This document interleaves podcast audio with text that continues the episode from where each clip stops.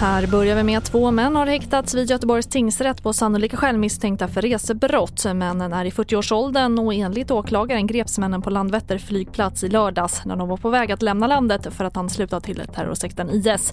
Åklagare Henrik Olin.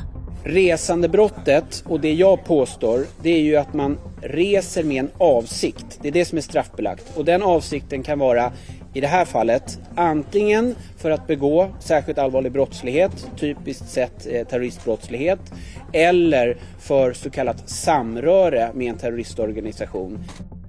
Och sannolikheten har nu ökat för att allt fler flyktingar från Ukraina kan börja söka sig till Sverige. Den bedömningen gör Migrationsverket, rapporterar SR.